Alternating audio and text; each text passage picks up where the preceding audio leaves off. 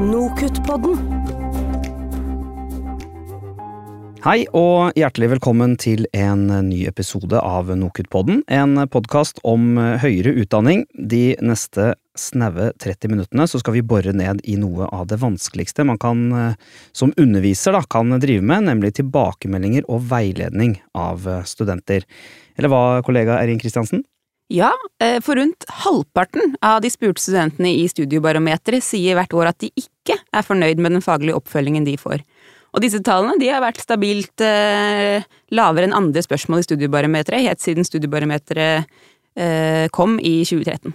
Men det er jo da en halvpart her som er ganske fornøyd, og vi i NOKUT ville finne ut eh, av om det er noen fellesnevnere for de som lykkes med veiledning og tilbakemelding.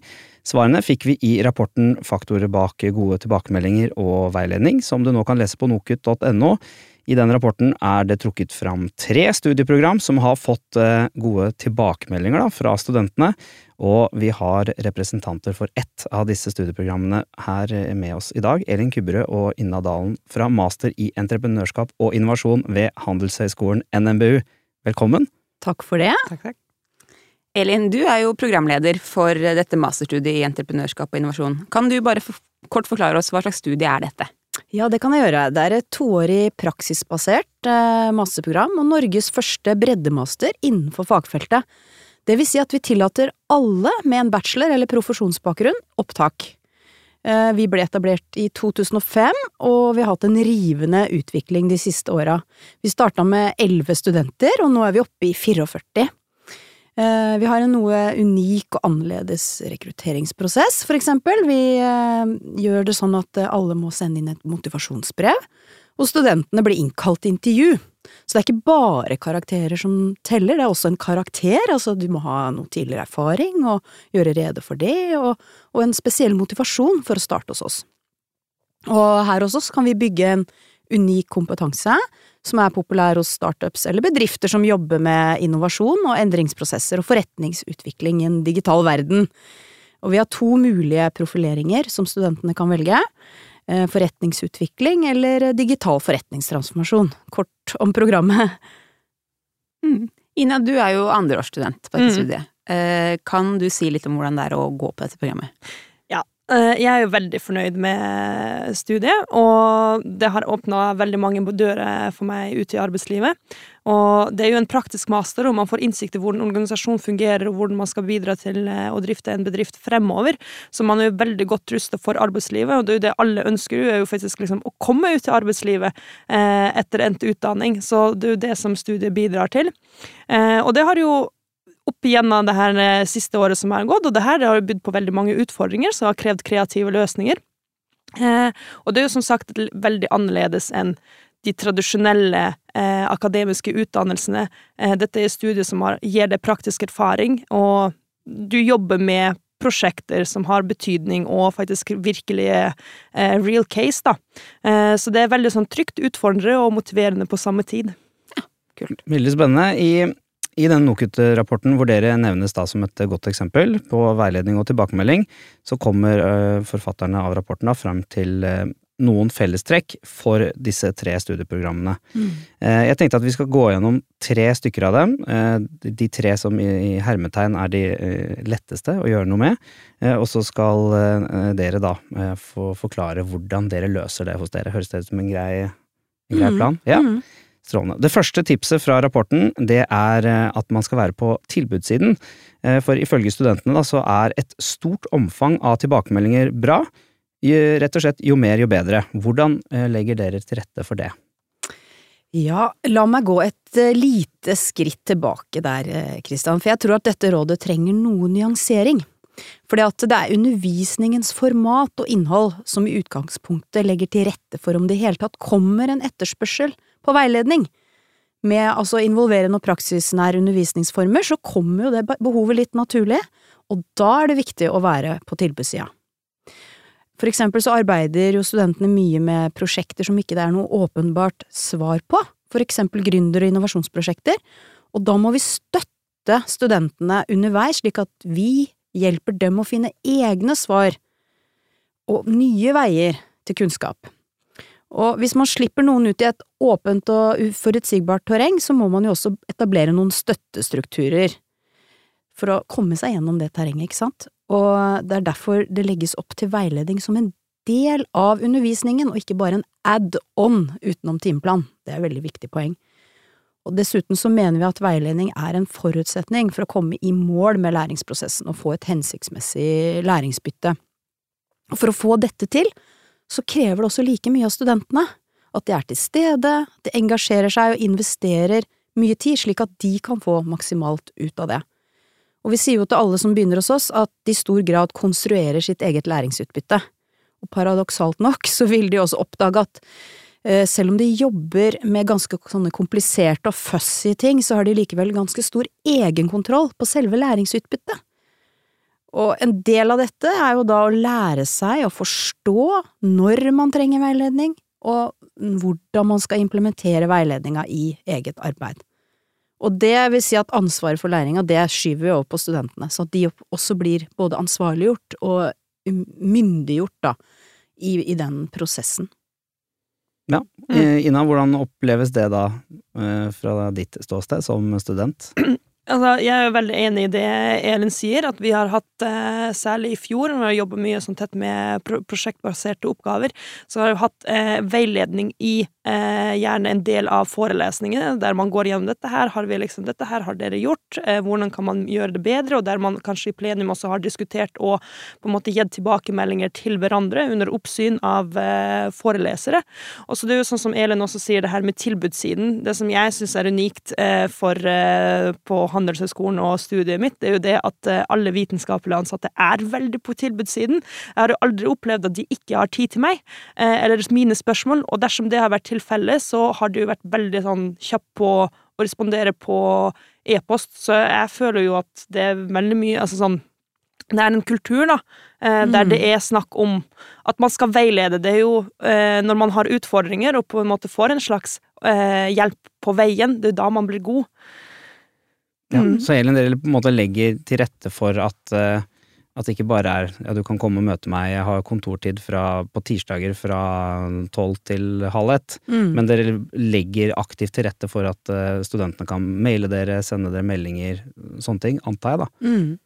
Ja, det er viktigere å, å, legge til rette for det underveis i prosessen. Og ikke nødvendigvis uh, ha en sånn fast For at det, dette når du jobber veldig dynamisk med prosjekter, så vi prøver selvfølgelig å lage noen strukturer for veiledning. Men, eh, men, vi legger også opp til at de kan eh, sende oss en mail, og så kan vi avtale, avtale veiledning gjennom eh, ulike moduler som vi har da, i, i undervisningen. Mm. mm. Den andre mm, tingen som den rapporten trekker frem, det er jo å vektlegge tilbakemeldinger underveis. Altså at man ikke bare skal komme med rødpennen i desember og øh, ja, og det er det, men det å kunne gi tilbakemelding kontinuerlig gjennom hele studieløpet. Ina, hvordan opplever du at de gjør det på NMBU? Eh, da er det, det som sagt at vi har, eh, når vi har hatt eh, eh, prosjektbaserte case, at vi har fått veiledning, eller i hvert fall tilbakemelding underveis i løpet, kanskje gjerne i plenum. Og i tillegg så har jo studiet utvikla en peer mentoring-ordning, som jeg syns er veldig kjekk. Det er jo noe med altså Peer mentoring det går ut på at uh, det er en ordning der andreklassen får uh, da blir matchet med en gruppe fra førsteklassen, der man uh, kanskje fungerer som en slags sparringspart for denne gruppa gjennom deres prosjektbaserte arbeid første året. Og det fantastiske med det er jo det at jeg har jo vært gjennom det her selv, og når du så, står der og har en sånn eh, frustrasjon Hva er det som skjer, jeg får ikke til, så er det så kjekt at det kommer noen andre som har vært gjennom denne prosessen, som er kanskje på samme bølgelengde som deg, eh, kan fortelle deg bare sånn Du, det her går bra, vi har vært gjennom det her selv, dere kan prøve dette, hva tenker dere videre, eh, hvilken utfordring, hvordan har dere? Altså, det er noen som hjelper deg hele tiden å tenke gjennom det her, og det er jo eh, kanskje det sammensatte, at du har eh, studenter som er, kanskje går over, året over deg, som hjelper deg, i tillegg til eh, professorene og foreleserne som er aktivt og med å veilede deg hele veien gjennom. Eh, mm. Mm. Men Elin, når man da bruker studentene som, eh, som peer mentors mm. eh, Da trenger de kanskje noe veiledning i hvordan de skal veilede. Hvordan gjør dere det? Ja, altså, bare for å si litt mer om det, eh, det, der, det du sier der, Inna, om at de har mer erfaring. Det er jo utrolig spennende, for det er jo et veldig spennende potensial som ligger i det å være litt mer kompetent. Eh, altså ettersom disse andreårsstudentene ligger et år foran i løypa, så har de jo kvalifisert seg direkte ved å ha litt mer kunnskap og erfaring. De har vært gjennom to gründerpraksisperioder, én nasjonalt og én internasjonalt, gjennom eh, utveksling. Og så sitter de jo da der og har mye egne erfaringer, og så er det jo ikke vanlig at de får på en måte delt det på noen måte hvis ikke de får Det er jo gjennom å lære bort man lærer selv hva man har holdt på med. Uh, og det, jeg synes det er et uh, spennende potensial som jeg ser benyttes veldig lite innenfor høyere utdanning, og dette her med den nære rollemodellen. Vi har oppdaget hvor utrolig viktig det er. Vi kan ta inn uh, folk fra næringslivet som holder foredrag og har mye erfaring, men når alumnis kommer inn, eller de som på en måte er de nære rollemodellene, da, som på en måte ikke er så langt unna studentene selv, så har det en utrolig effekt. Og det er det potensialet vi prøver å utnytte. Og i dette så ligger det jo også selvfølgelig en viss form for kompetanseheving for de som da skal være eh, peer mentor, det som Inna er. Og vi har et eget kursopplegg eh, med seminarer eh, hvor mentorene får da opplæring i entreprenøriell læring og en del veiledningsverktøy for å utvikle rollen sin som mentor. Eh, og så har vi også et slags praksisfellesskap eh, som består av meg eh, og Inna, som er koordinatoren for mentorene, og mentorene. Så vi holder god kontakt gjennom sosiale medier, og Inna er den som bistår meg da i å planlegge og sørge for å koble inn mentorene når de trengs. Så ja, jeg syns vi har fått eh, mye ut av, ut av, hvordan vi har organisert det. Det er alltid rom for å utvikle det videre, men nå har vi holdt på med dette her siden 2014. Så vi føler at vi har fått en del erfaringer med hvordan, hvordan dette her kan eh, funke, og det funker bra hos oss, og vi får god tilbakemelding. Mentorene får metaperspektiv på egen læring også. Mm. Jeg eh, vet ikke om du vil si noe om det, Ina, for det er ganske spennende? Så det å lære på nytt det du har vært igjennom før? Ja da, det er jo på en måte en slags? Jeg har jo lært noe, kanskje jeg jobber med det selv, og så begynner jeg Fordi man gjør jo ikke det samme hele tiden, men det å liksom gå tilbake og på en måte repetere det man selv har lært, på en måte året før Bare ja, nei, kanskje dere kan prøve det, og så er det jo noe det med å eh, Du etablerer jo en relasjon Mm. Eh, som kanskje man kan ta med videre etter endt eh, studie. Så jeg syns jo jeg sånn, Selvfølgelig skal jeg være mentor. Det høres kjempespennende ut. Da får jeg også innsikt i en ny case og mm. ja. Mm, og, mm. og, det som du sier bidrar til min egen læringsprosess. Jeg får repetert den mm. kunnskapen jeg allerede sitter. Og jo oftere man gjør det, jo bedre blir man. Og det å etablere et sosialt læringsmiljø mellom årstrinnene også, det så jeg jo at det, det var jo ikke så mye kontakt. Og det var jo mye rett og slett fordi at det var ett kull som var på utveksling, og ett kull som var hjemme. Mm. Og, og, det er noe med å, å, på en måte fasilitere for, og det er veldig viktig at vi som, som veiledere fasiliterer for at det kan være litt mer kontakt. Så det legger jo også til rette for et sosialt og bedre læringsmiljø på tvers av årstiden mm. da, i masteren. Mm. Og det kan jeg faktisk kjenne litt på. Jeg synes det, det utrolig kjekke er jo det her Nå skal ikke jeg begynne å sammenligne universitetet med liksom sånn å gå tilbake på liksom barneskole, men det her med at man har liksom relasjoner på tvers av klassene, det syns jeg er veldig kjekt. Ehm, det har jo jeg savna på en måte ved Jeg har jo en bachelor fra Universitetet i Oslo, og der blir jo klassene så store at man blir kanskje ikke så tett og godt kjent med andre studenter, ikke bare på sitt eget torstrinn, men de som er over det. For det er jo sånn Man deler jo kunnskap på tvers, og det er jo der, selv om de er på en måte Førsteklassen er på første året og skal lære det her og det her, så vil ikke det si at ikke vi som går andre året, ikke har noe å lære av dem. Det går jo begge veier. Mm, eh, og man, eh, man, går jo på det her med sparringsprosess, og, og flere hoder tenker bedre enn én. En. Mm. Da legger det mye ansvar da, på studentene. Ja. Og det tar de godt imot? Eh, ja, det er én ting, og så handler det litt om å slippe, slippe litt taket sjøl òg. Ikke ha liksom at Tenke at på en måte kunnskap i dag Kunnskapen er jo tilgjengelig overalt. Det er jo fullstendig demokratisert gjennom teknologisk utvikling videre. Det er jo ikke det som er den store utfordringen i høyere utdanning i dag. Det er jo rett og slett hvordan kan man implementere kunnskapen på en god måte gjennom læring og læringsprosesser. Og derfor så må vi også gi litt slipp, og vi, vi, vi må liksom slippe tak i den gamle, tradisjonelle foreleserrollen, hvor vi står og er eksperter, for vi, vi har noe kunnskap, men ikke alt, og så må vi på en måte heller være mer ork vi orkestrerer læringsprosessen. Vi tilrettelegger for at læring skal skje. Og da må vi slippe litt taket, og vi må også innse at for eksempel veldig mange av mine studenter er jo mye mer digitalkompetente enn det jeg er. Men da bruker jeg dem da, til å fasilitere. Det trenger jo ikke jeg å lære meg alt, jeg. Hvorfor skal jeg det? Det er ikke nødvendig. Mm. Eh, Dere har jo vunnet eh, til og med priser for dette her. Eh, jeg vet ikke hvor mye selvskryt dere vil komme, men her, her er i hvert fall ballen på deres banehalvdel. Ja. Eh, Hvis dere vil fortelle om, eh, om oppmerksomheten som dette programmet da har fått, eh, både på NMBU og kanskje utenfor. Ja, vi har jo vunnet eh, NMBUs utdanningspris for 2018. Det har vi. Eh, og vi har vært nominert til NOKUS studiekvalitetspris nasjonalt. Eh, så det er hyggelig å bli nominert, og det er jo viktig. Men det viktigste jeg tenker, er jo på en måte hvordan vi kan spre, spre dette her til andre, da. Eh, for vi vil jo gjerne at andre skal bli inspirert til å tørre å gjøre sånne ting. Eh, For det er et veldig uutnytta potensial som ligger der. Så, så vi har jo vi har jo skrevet artikler om dette her, det er jo fritt tilgjengelig eh, på Peer Mentor-ordningen, hvor vi beskriver programmet og implementeringen i detalj, så den er jo fritt tilgjengelig. Så fikk vi jo penger av Norgesuniversitetet til å utvikle en pilot i sin tid, det var i 2014.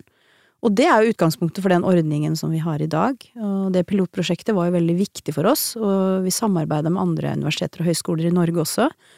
Eh, og den rapporten som ligger til grunn for det, ligger på Norges universitets hjemmesider. Og jeg holder jo også gjerne foredrag og innlegg, og vi har jo vært med på å bistå andre fagmiljøer både på NMBU og for eksempel ved Høgskolen på Vestlandet, og implementere lignende peer mentoring-ordninger i sine programmer. Og det er jo det vi vil. Vi vil jo at andre skal på en måte ta det i bruk, for det er et utrolig virkningsfullt eh, verktøy. Eh, og et veldig bra verktøy for studentmedvirkning. Mm. Vi skal sikkert snakke noen ord om det etterpå, men vi får bare ta det, eh, det siste punktet da fra denne NOKUT-rapporten. Mm. Eh, Og det som kanskje er det mest utfordrende for de fleste der ute. Mm. Man må prøve å unngå store studentgrupper. Eh, Og her har jo dere en eh, fordel. Dere har jo starta i det små med, hva du sa, elleve studenter da dere starta opp. Mm. Eh, Har vært da rundt 20-25 studenter. Mm. eh, som man må kunne kalle en håndterbar gruppe, men eh, denne høsten her Mm. så har dere dobla. Mm. Dere er oppe i 45 Mm. cirka. Mm. Eh, hvilke utfordringer har det gitt? Ja, altså, siden vi jobber som vi gjør i vårt program, så er vi godt bemanna, da, i hvert fall i praksis- og prosjektbaserte kurs, hvor vi ofte har to involverte fagpersoner og veiledere. Så den pedagogikken og den måten vi jobber på er rimelig skalerbar, så lenge vi kan benytte oss også da av for eksempel Per Mentor-ordningen, så det, fungerer det fint. Eh, Det som er den største kanskje utfordringen for oss, som er kanskje litt sånn spesifikt for NMBU, er undervisningslokaler og fysiske begrensninger. Det er litt lokalt da, men vi har jo vi har få seminarrom eh, og få eh, liksom tilleggsrom da, som vi kan bruke i tillegg til undervisningslokalet. Eh, Så det betyr at vi kan kanskje ikke vokse noe særlig mer nå, om vi skal fortsette sånn som vi gjør. Og vi kommer jo ikke til å gå på kompromiss med det, det opplegget vi har, og de læringsformene vi har. Og vi har ikke lyst til å gå ned på kvaliteten, så, så sånn sett så begrenser det seg gjennom de fysiske rammene vi har tilgjengelig. Men antall studenter har eh, i seg selv egentlig ikke noe å si, Jo, tenker du? antall, altså jeg tror ikke du kan vokse inn i himmelen her. Nei. Eh, så jeg tenker at uh, det jeg tenker, hvis vi skal ha, vil legge til da, at hvis vi skal ha god kontakt med studentene og skape det sosiale læringsmiljøet, så er vi på maks. Uh, jeg har ikke lyst til å bli noe særlig store, større enn enn rundt eh, 40-45 studenter, kanskje. Nei. Så, så det, hvis man skal jobbe sånn som vi gjør, så tenker jeg det er liksom, det er fint, men ikke større. Ja, Mm. for det er jo noen som da løser dette ved å Man har da type 200 studenter, og så Mm. man, må man da begynne å dele, Ja. dele opp gruppene. Det kan man gjøre. Det kommer veldig an på undervisningsformen. Altså hvis du har mye prosjektbasert eh, undervisning som vi har, så, så vi må jo også sette oss inn i alle prosjektene. Og det er jo begrensa hvor mye én til to fagpersoner kan sette seg inn i, da, Mm. i forhold til eh, det vi skal komme igjennom. Mm. Har du, Ina, merka noe forskjell eh, dette semesteret kontra eh, tidligere, nå som det har kommet en, eh, en hel bråte med nye studenter? Ja, altså det som er, Jeg har jo majoriteten av tiden har jo fortsatt veldig mye kontakt med eh, min eh, egen klasse. Vi er jo ganske vi, Nå er vi eh, 4-23, så det er jo veldig sånn tett, eh, tett miljø. Alle kjenner alle, og det er lett å få folk med på ting. Eh, sånn, og så er jeg i tillegg mentor da for en eh, spesifikk eh, gruppe.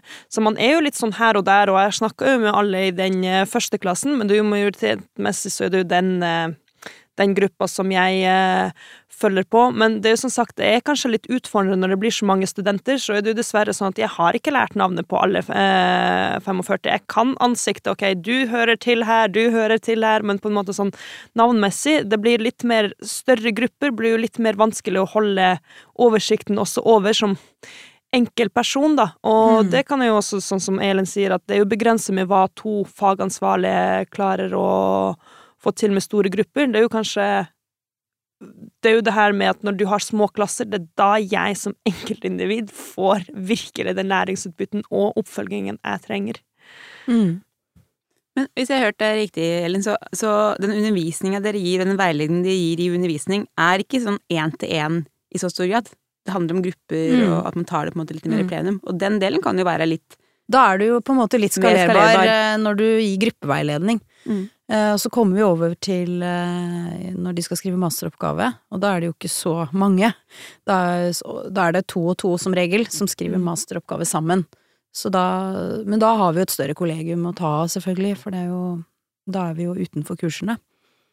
Men ja, i disse prosjektfagene så, så er det sånn som det er i næringslivet, da. Du jobber i et prosjekt, så jobber du i et team, som regel.